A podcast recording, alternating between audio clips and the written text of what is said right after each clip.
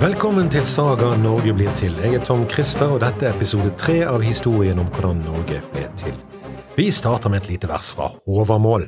Eld han tarv som innerkommen og um kne kulser, til mat og kle den mann hev trong som hev i fjell far i. Og denne gangen skal det bli behov for både eld og litt klær eh, for de som farer i fjell. For de av dere som har fått med episode én og to, dere vet at Halvdan Hårfarges far, Halvdan, har skaffet seg et rike i Innlandet ned mot Viken med en arm til Sogn. Nå har han også det som skal bli arvesønnen etter å ha, mm, vel, rerøvet Ragnhild. Ragnar Lodbroks etterkommer etter at berserken Hake hadde røvet henne fra hennes far, men mistet en arm og helbred i prosessen. Hake berserk ligger nå med eget sverd godt plantet i vitale organer og går ut av historien. Men alle historier har en hake, og Gandalfsønnen Hake, en annen hake, populært, navn, populært navn etter i 850, er fortsatt i live etter å ha flyktet sørover. Så da har vi altså en ryddig situasjon sånn i 850. Halvdan får sin Ragnhild med dananer, og Halvdan og Ragnhild får sin sønn Harald, og scenen er satt for drukning og Norges samling. Men vent, der er et problem med denne historien. Den er mest sannsynlig ikke sann. Eller er den det? Vi skal nå høre en historie om to Ragnhilder og en Jotne, om morskap og magi og mat som ble borte og en julefeiring som gikk skikkelig galt.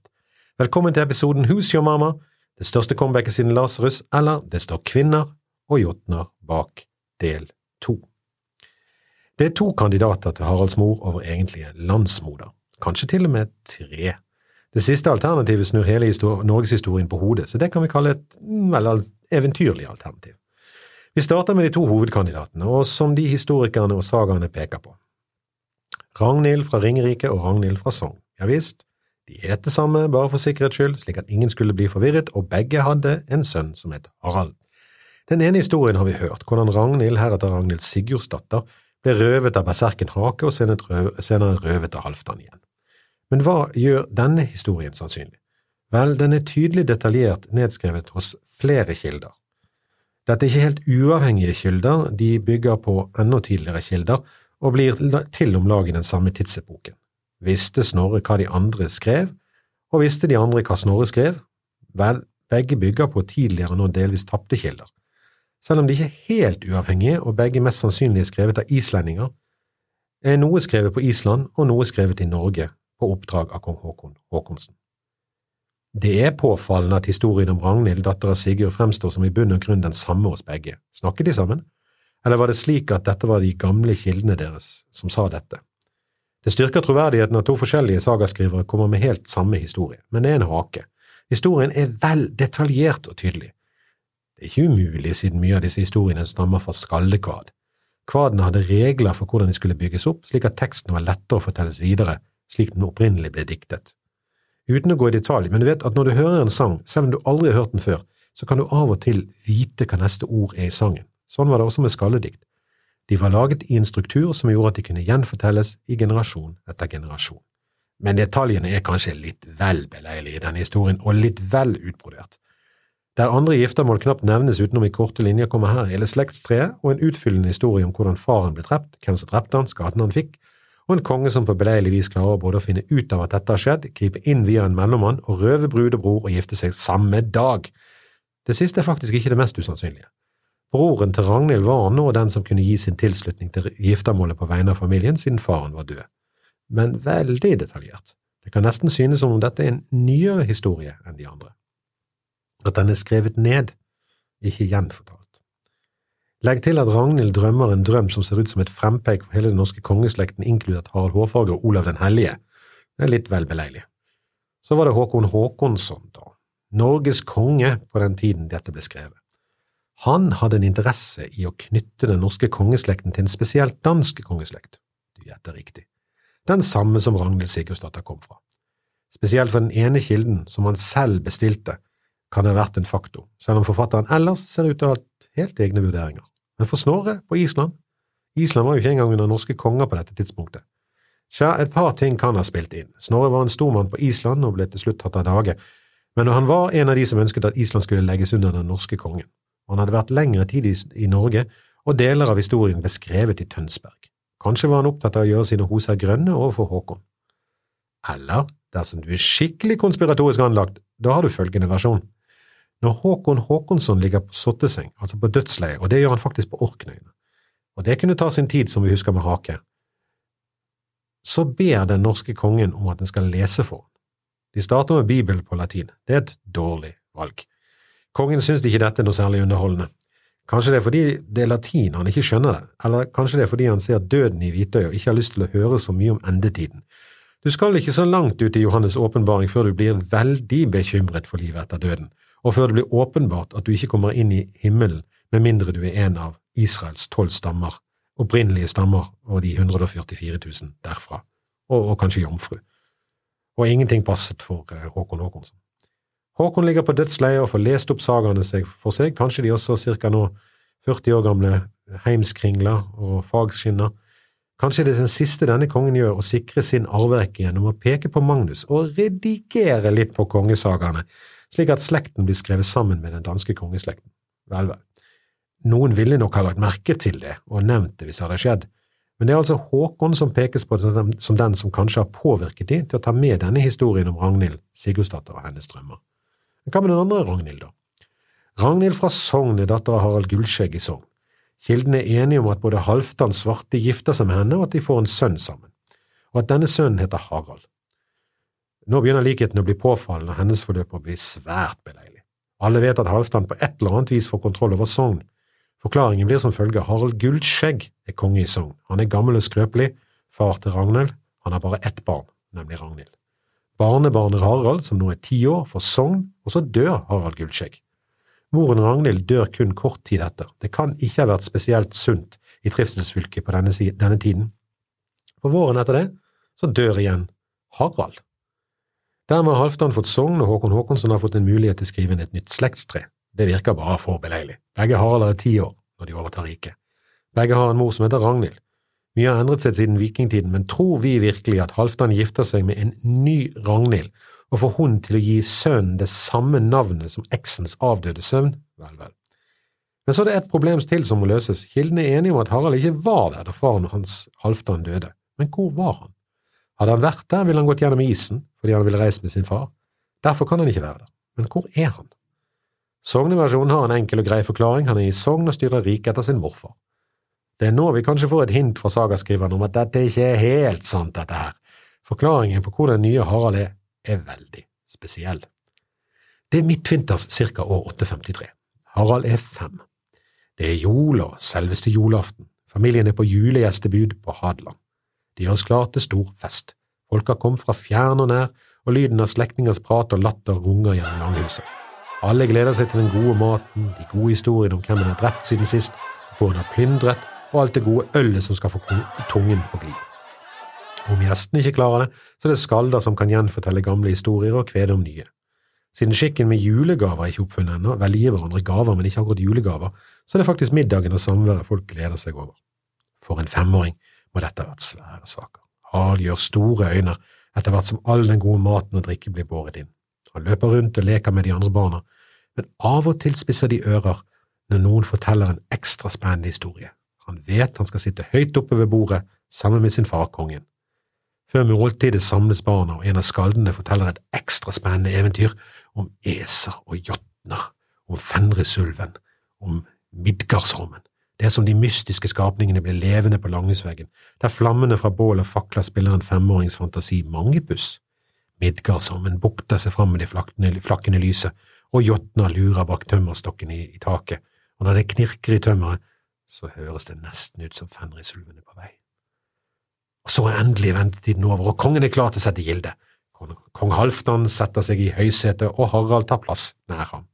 Der oppe sitter moren, dronningen Ragnhild, ved siden av kongen og ved siden av henne morens bror, Haralds onkel, den samme Guttorm som i to omganger ble røvet sammen med sin søster.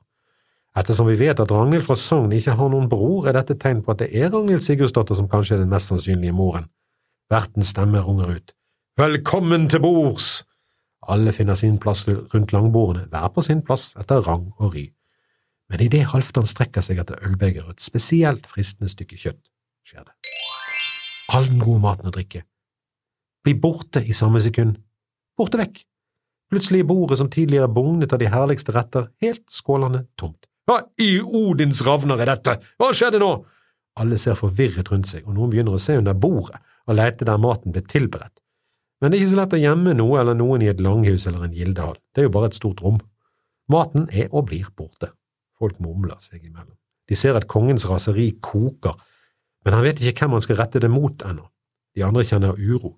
Det er ikke godt å vite hvem som vil kjenne kongens frede. Det kan fort bli den som står mest lagelig eller ulaglig til. Folk begynner å trekke seg unna og blir borte, svinner bort, én etter én. Halvdan og de aller nærmeste sitter igjen slukøret. De ser på hverandre.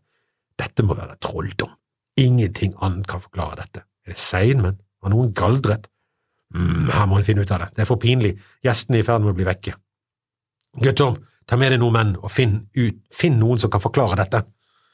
Guttorm så gjør, og den mannen må også ha magiske evner, for han og hirdens utvalgte klarer altså å få tak i en same på Hadeland i 853.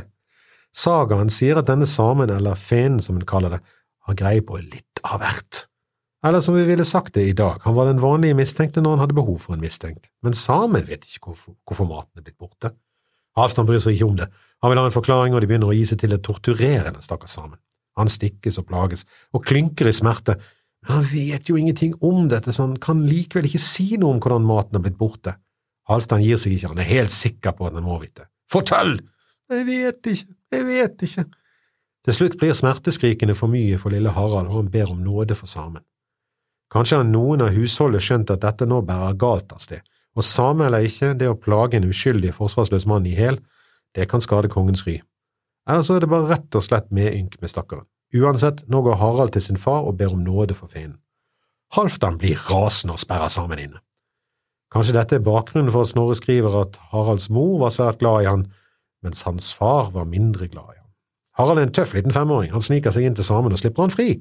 Som takk får han kanskje en magisk kniv som han siden skal bruke til å irritere sin far enda mer, og ifølge Snorre så stikker han av med samen, og kommer ikke tilbake før faren er død. Men merkelig nok forteller Snorre to historier, om den samme tiden, og skal den neste historien stemme, må Harald ha blitt en stund til hos faren. Faren var nok rasende, men skal en tro den historien, så begynner det noen dager senere å forsvinne ikke bare mat, men saker og ting, og gjenstander og kostbarheter fra skattkammeret. Denne gangen er samen ikke å finne, for å si det sånn, så Halvdans menn finner ikke spor etter tyvene. Halvdan setter ut ekstra vakter, men de ser heller ingenting. Helt til en dag da de hører bråk fra skattkammeret.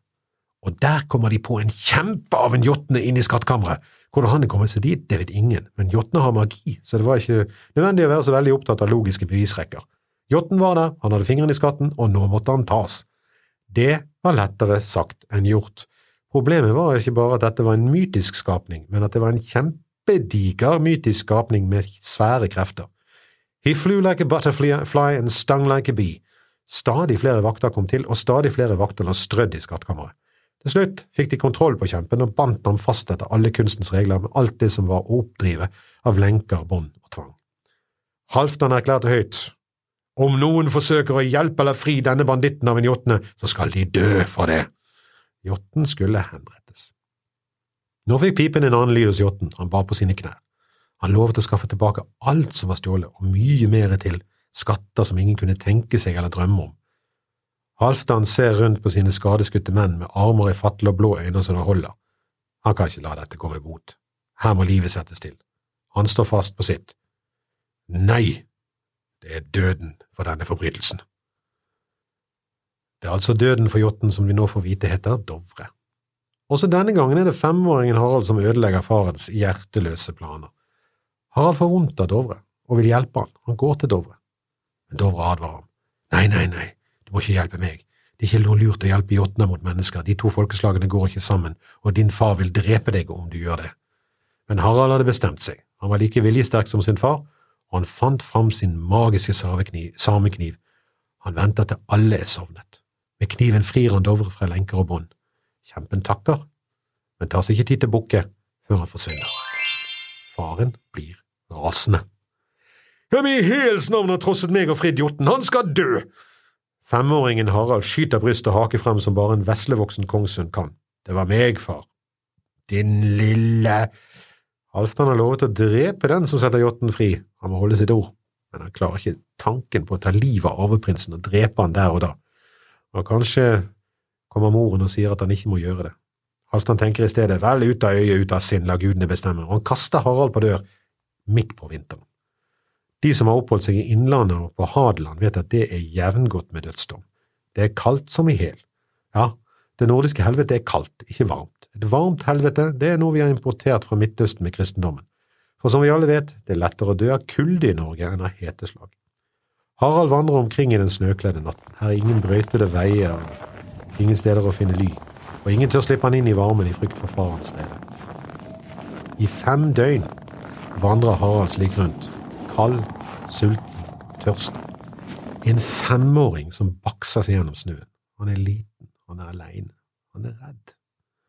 Halvdan er ikke kommet på andre tanker, og ingen tør gå ut og leite. Men plutselig ser han noe der i snøen, et eller annet som beveger seg innimellom trærne. Hallo, det er ikke et dyr, det kommer et hallo tilbake.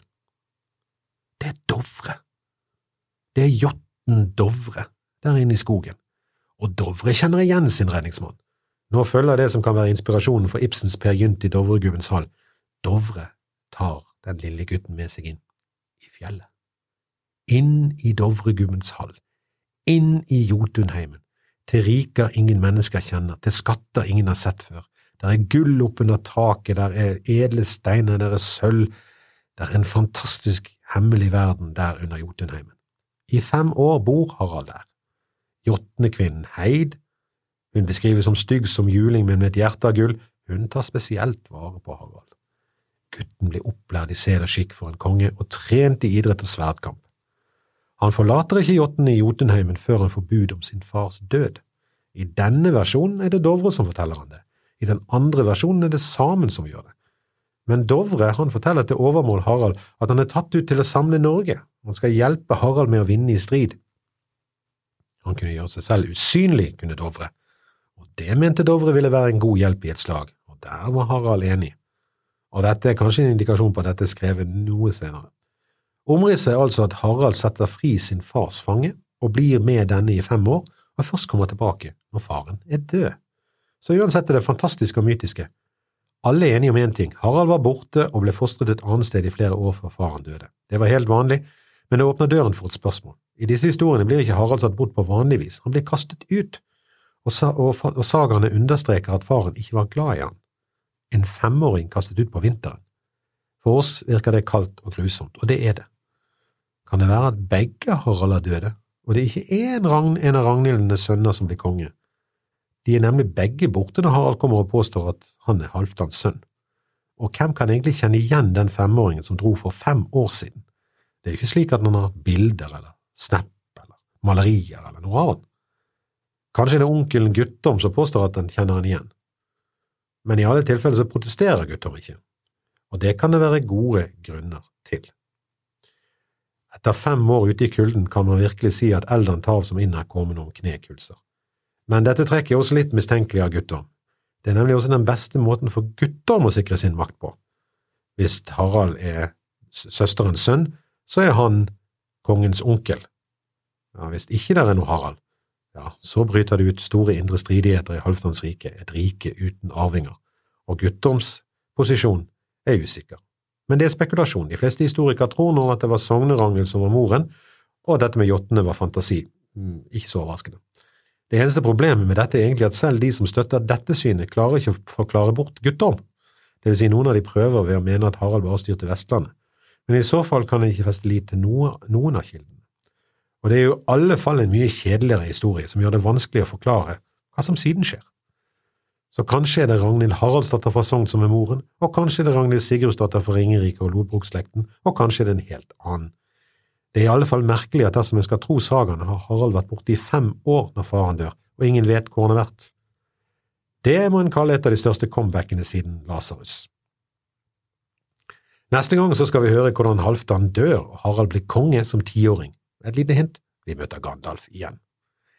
Det var alt for denne gangen, takk for at du lytter til Saga når Norge blir til.